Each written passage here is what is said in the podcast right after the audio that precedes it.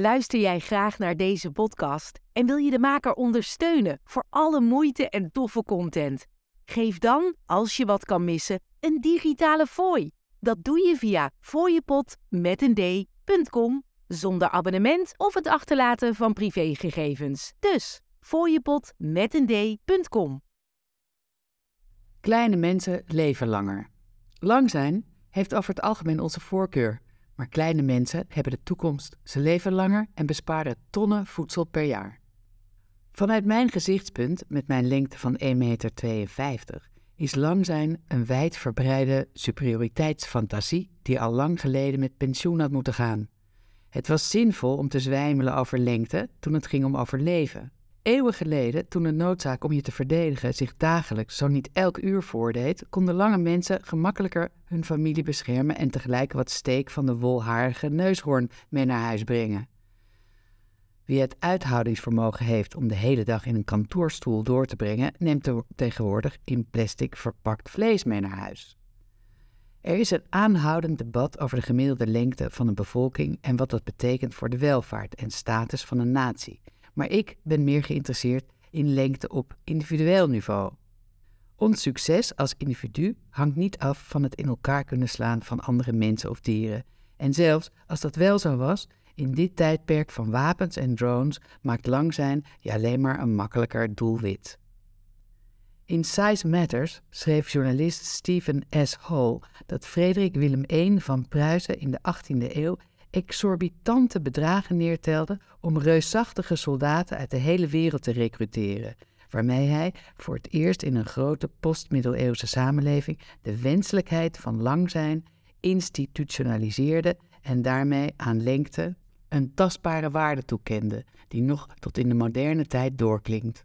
De echo van deze vroege menselijke verlangens en vooroordelen is in onze geest blijven hangen als een bijzonder plakkende marketing jingle.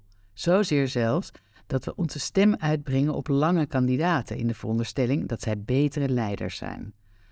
Ook kiezen we vaak lange mensen als partner, zonder dat er doorslaggevende data zijn waaruit blijkt dat, dat zij betere echtgenoten zijn. John Kenneth Galbraith, de ruim twee meter lange econoom en diplomaat, beschouwde onze voorkeur voor lange mensen als een van de meest flagrante en algemeen geaccepteerde vooroordelen in onze samenleving. Anderen gaan tot het uiterste voor een paar centimeter erbij.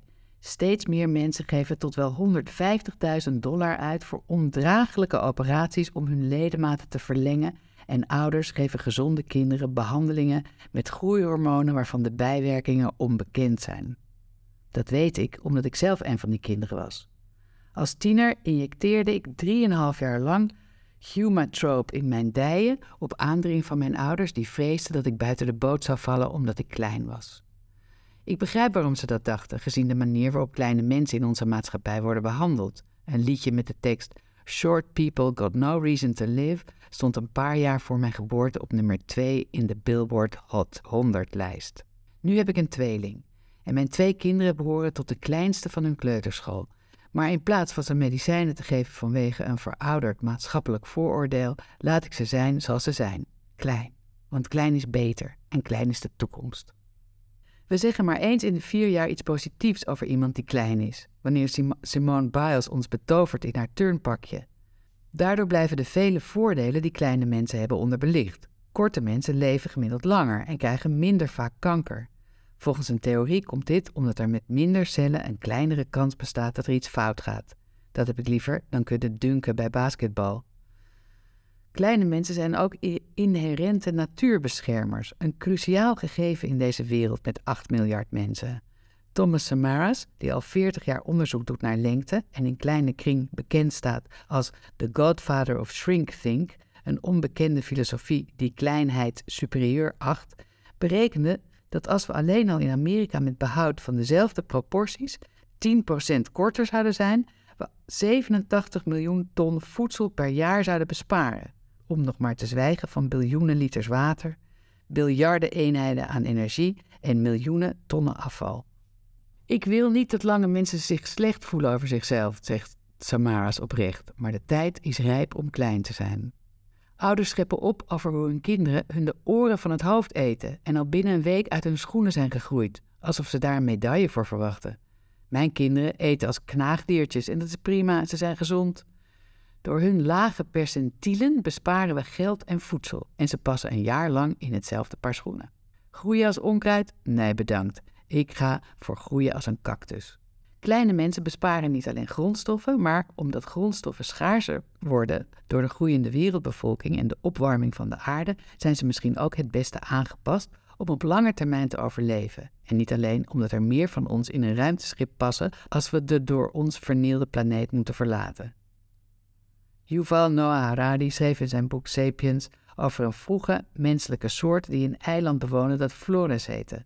Door een stijging van de zeespiegel was het eiland afgesneden van andere landmassa's. De grotere mensen die veel voedsel nodig hadden, stierf als eerste, schreef Harari. Na een evolutieproces van vele generaties was de gemiddelde lengte van de mensen op het eiland slechts anderhalve meter. Ze konden alles wat grote mensen konden: gereedschap maken, jagen, maar ze konden ook in leven blijven in moeilijke tijden. Door te paren met kleinere mensen verklein je de behoeften van volgende generaties en red je mogelijk de planeet. Door op datingsites in je profiel de gewenste minimumlengte van potentiële partners te verlagen, zet je een stap in de richting van een groenere planeet.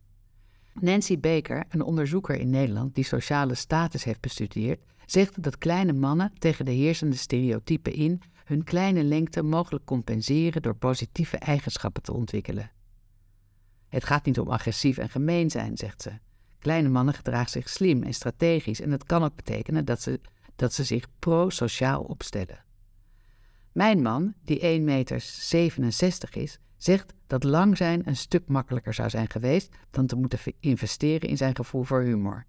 Maar ik weet wel dat ik niet met hem zou zijn getrouwd als mijn wangen niet zo'n pijn hadden gedaan van het lachen op onze eerste date. Het probleem is dat we nog steeds de illusie koesteren en als stelregel hanteren dat meer van iets altijd waarde toevoegt. Het was Alberto Hayek, mijn vroegere inmiddels gepensioneerde endocrinoloog van het Rady's Children's Hospital in San Diego, die me hierop heeft gewezen. Ik vroeg hem waarom ouders een behandeling met groeihormonen willen voor kinderen die geen onderliggende medische aandoening hebben. Hij zei dat het streven naar lengte vanzelfsprekend is in een kapitalistische maatschappij. Alles is groot. De gebouwen, de bedrijven, zei hij, en legde uit dat het ideaalbeeld dat ouders van hun kroost hebben wordt bepaald door de gedachte dat groter beter is. Een andere endocrinoloog, Ada Grimberg, wetenschappelijk directeur van het Growth Center van het Children's Hospital of Philadelphia, zegt dat lengtediscriminatie weliswaar bestaat, maar dat bezorgde ouders ten onrechte denken dat lang zijn de sleutel is tot succes en erbij horen. Er zijn kleine mensen die het goed doen en een fantastisch leven leiden. En er zijn lange mensen die zich ellendig voelen, aldus Greenberg. Het is niet de lengte op zich die het resultaat bepaalt. Daar ben ik het mee eens. Als klein persoon heb ik gemerkt dat er maar één ding is wat ik niet kan: dingen uit hoge schappen pakken. Maar dat gaat prima in de supermarkt, want lange mensen reiken graag naar dingen. Het geeft ze het gevoel dat hun buitensporige ledematen tenminste een doel hebben. In sommige delen van de wereld wordt klein juist gevierd. Arne Hendricks, een docent en kunstenaar van 1,95 meter, gebruikt optredens en tentoonstellingen om mensen aan te moedigen hun kleinere lengte te omarmen. Hij heeft zelfs de hoeveelheid zuivel en suiker in het dieet van zijn zoons teruggebracht in een poging hun groei te beperken en hen te behoeden voor de nadelen van lang zijn.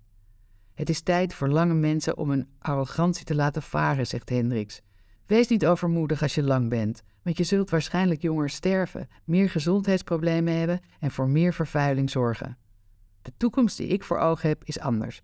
Ik wil dat kinderen van mijn kinderen de waarde van klein zijn inzien.